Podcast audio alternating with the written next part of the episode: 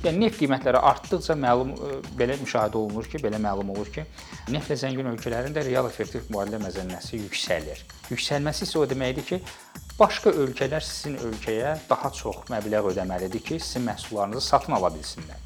Siz rəqabət apara bilməyəcəksiniz dolayısıyla həmin beynəlxalq bazarlarda.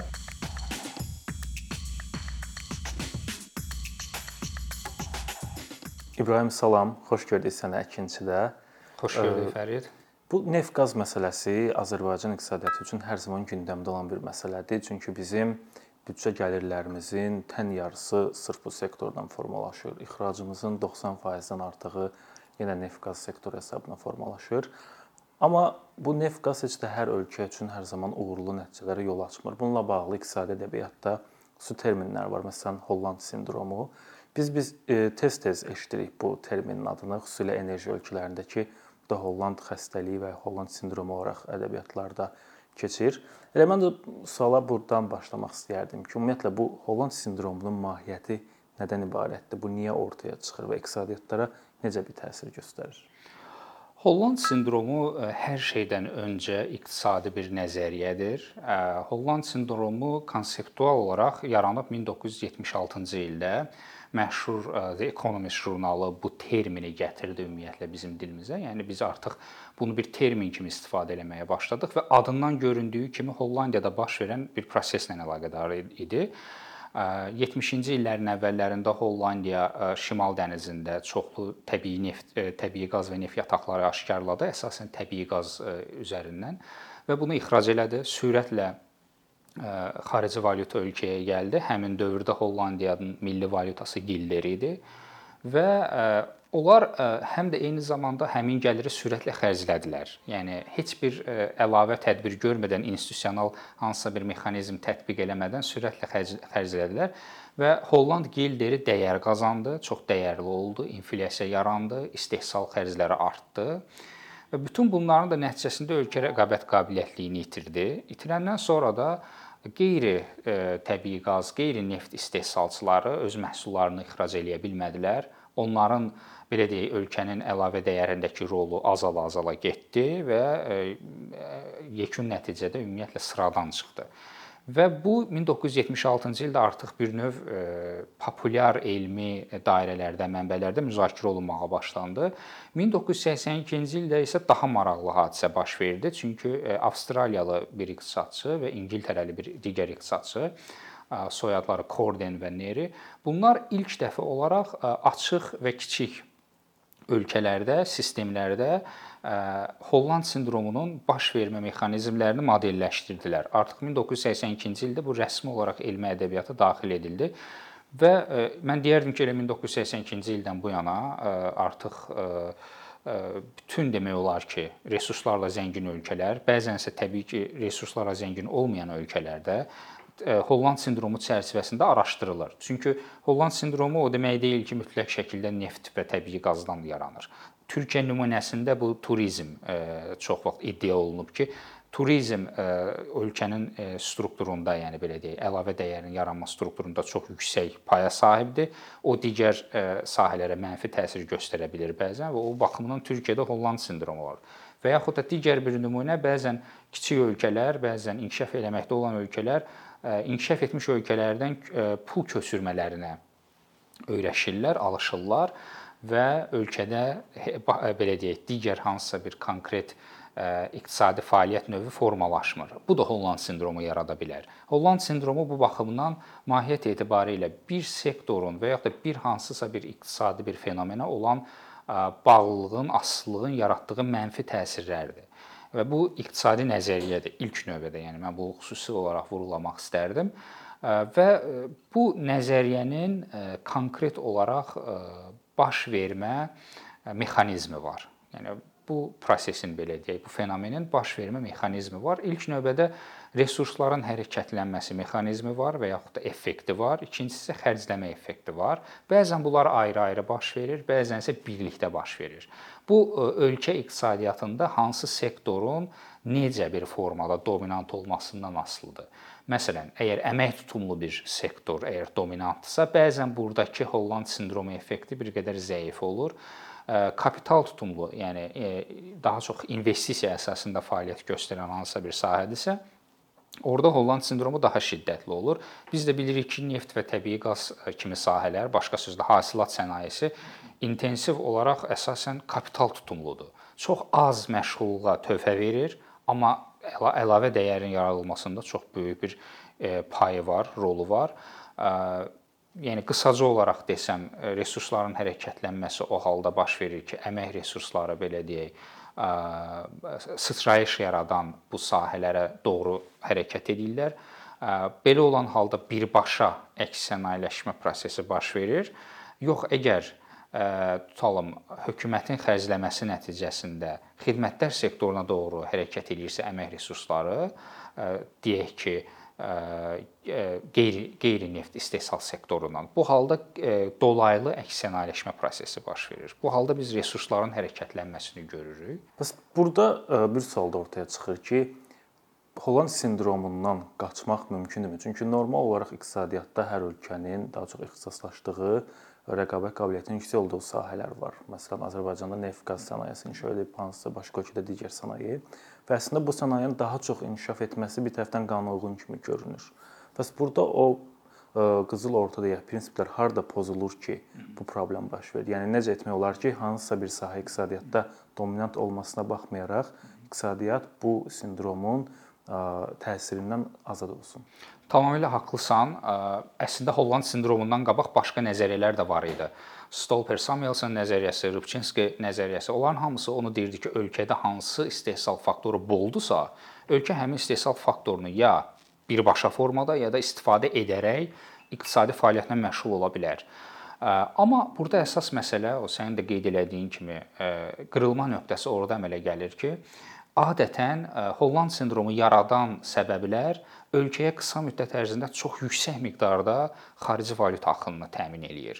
Azərbaycan nümunəsində indi biz bu haqqda bir qədər sonra danışarıq, amma ümumilikdə əsas burada işləyiş mexanizmi belədir ki, Holland sindromunun qarşısını almaq üçün dövlət siyasəti tədbirləri olmalıdır. Oyunun qaydaları müəyyənləşdirilməlidir. Yəni həmin qısa müddət ərzində əldə olunan gəlirlər elə idarə olunmalıdır ki, o ölkədə, o ölkənin belə deyək, milli iqtisadiyyatının reallıqlarına təzad yaratmasın. Məsələn, əgər sizin ölkənizin iqtisadiyyatı balacadırsa, kiçikdirsə və onun bu qədər yüksək məbləğdə belə deyək, xarici valyutanı həzm etmə bacarığı aşağıdırsa, deməli onu az miqdarda xərcləmək lazımdır. Bu Çili nümunəsində müşahidə olunub.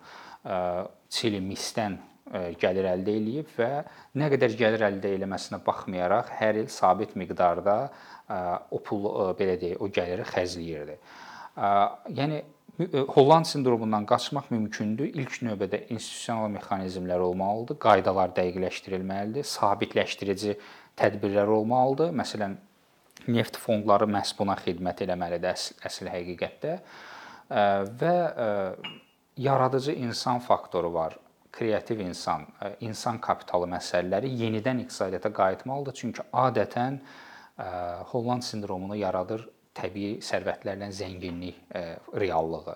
Elə olan halda yüksək miqdarda bu renta xərclənir, onun üzərində bir yarış əmələ gəlir və insan kapitalı inkişafı kənarda qalır. Yəni insan amili onun təhsili, səhiyyəsi nəzərə alınmır. Bu da elmi ədəbiyyatda öz yerini tapıb. Çünki resurslarla zəngin ölkələrdə məlum olub ki, baxmayaraq ki, onlar bu qədər gəlir əldə edirlər, təhsilə daha az zamanla daha az xərc çəkirlər və eləcə də səhiyyəyə.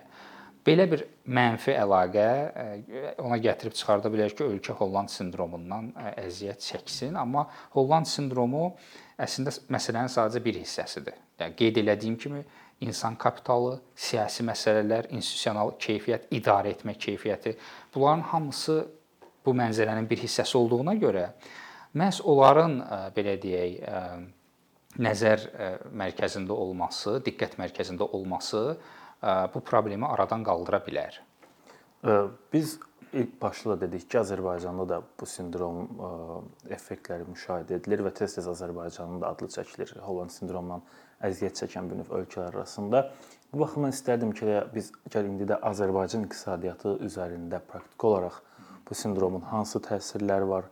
Bu gün Azərbaycan iqtisadi reallığında məsələn qarşılaşdığımız hansı çətinliklər məhz bu amillərlə bağlıdır? Məsələn bu hissəsinə toxunsaq əla olardı. Ümumiyyətlə Holland sindromu nəzəriyyəsində Holland sindromunun ən fundamental belə deyək əlaməti ə, mübadilə məzənnəsidir. Düzdür, bunun növləri çoxdur, amma bizim ə, tədqiqatlarda fokuslandığımız əsas növ real effektiv mübadilə məzənnəsidir, hansı ki, bu ölkənin rəqabət qabiliyyətliyini göstərir. Demək olar ki, bir göstəriciyə siz fokuslanaraq əslində ölkənin Holland sindromundan əziyyət çəkib çəkmədiyini görə bilərsiniz. Çünki e, real effektiv mübadilə məzənnəsi neft qiymətləri ilə indi məsələn Azərbaycan nümunəsindən danışırıqsa, e, adətən müsbət və statistik əhəmiyyətə malik olan korrelyasiyada e, korrelyasiyada olur.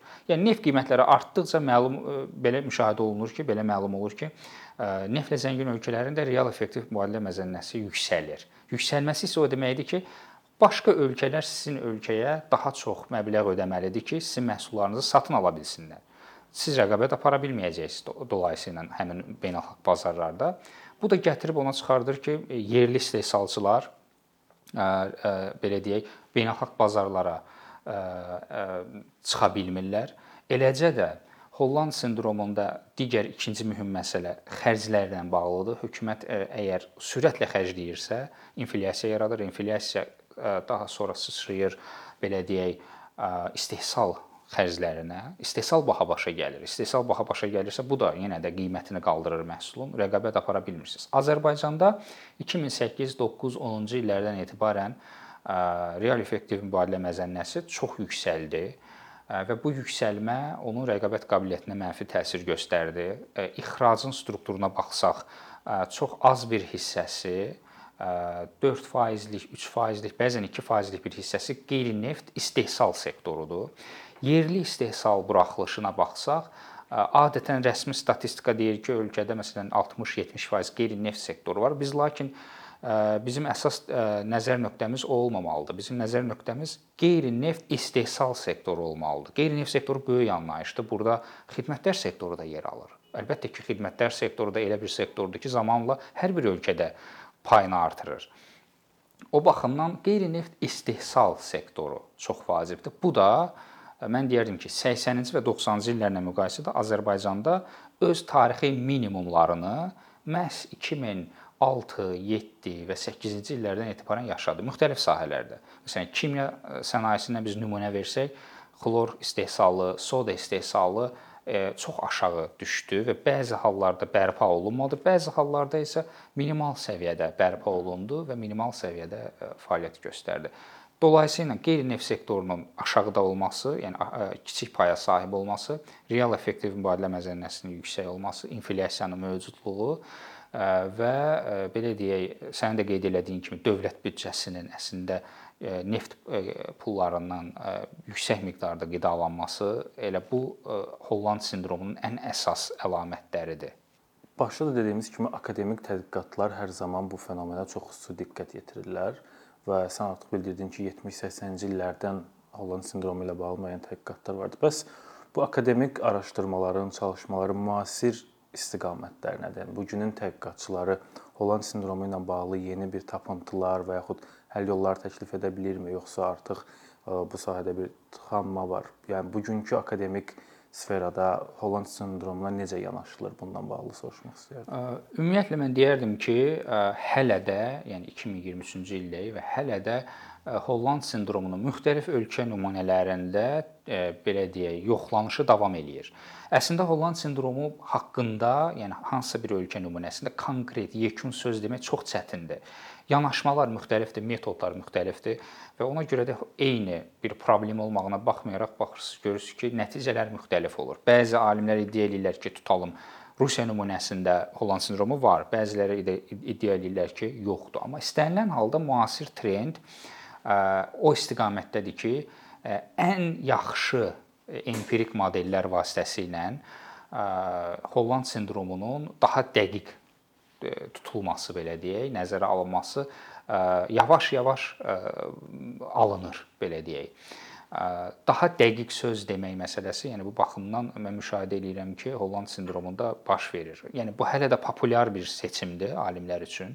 Hələ də onlar seçirlər. İstər istənilən resurslarla zəngin olan ölkə hələ də Holland sindromunda araşdırılır.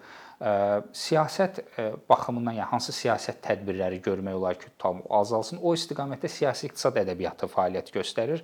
Mən deyərdim ki, daha çox empirik tədqiqatlar hal-hazırda intensivləşib, mainstreamə daxil olub.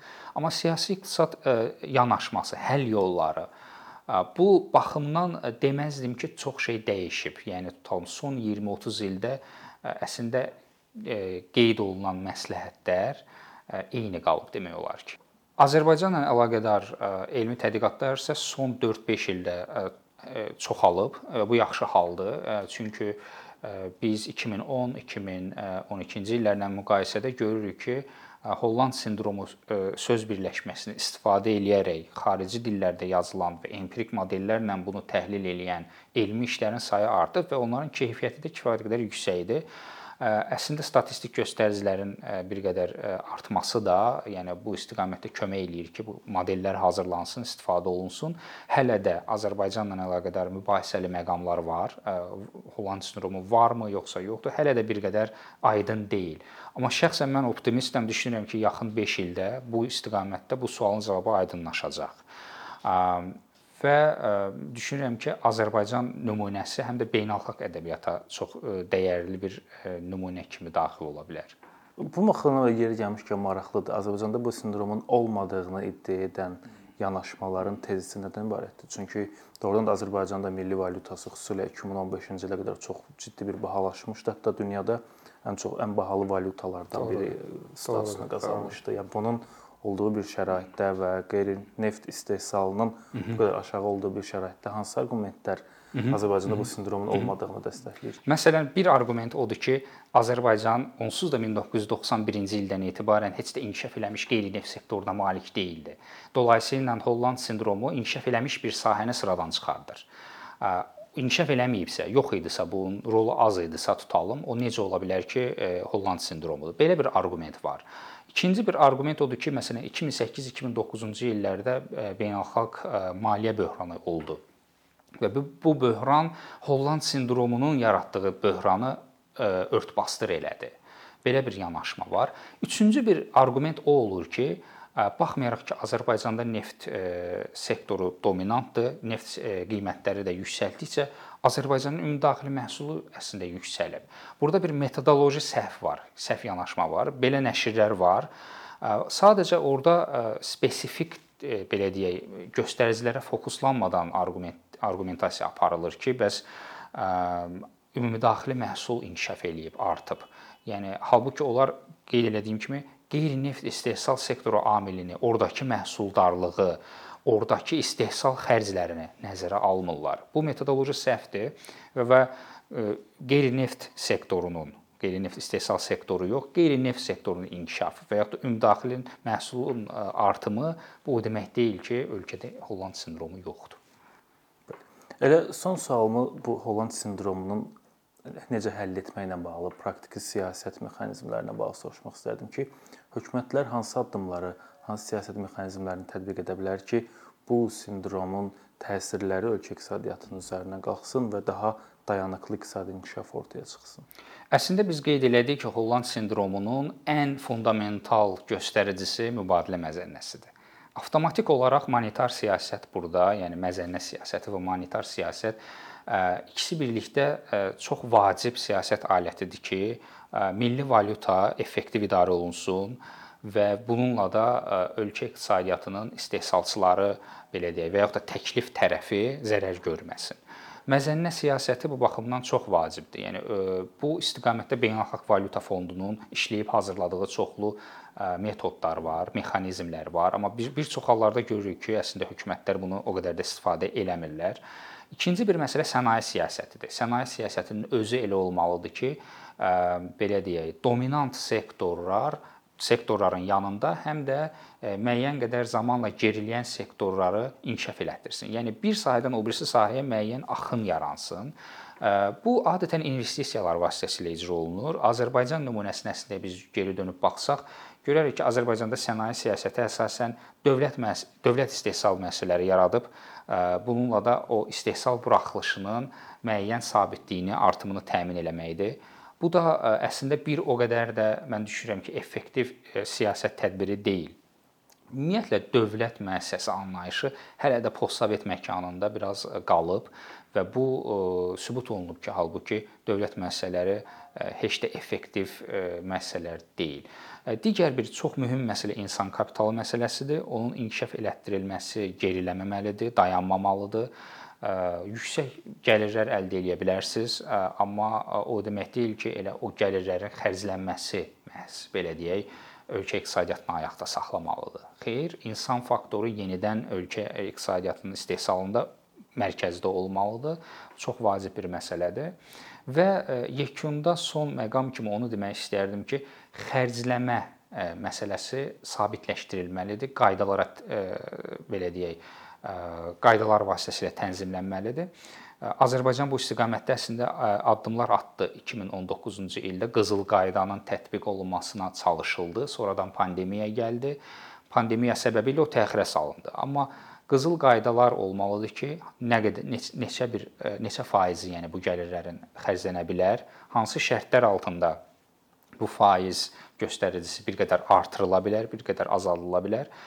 Belə olan halda ölkənin milli iqtisadi tutumu, istehsal tutumu, istehlak tutumu zərər görməz, yəni belə deyək və ya da o minimumlaşdırılar.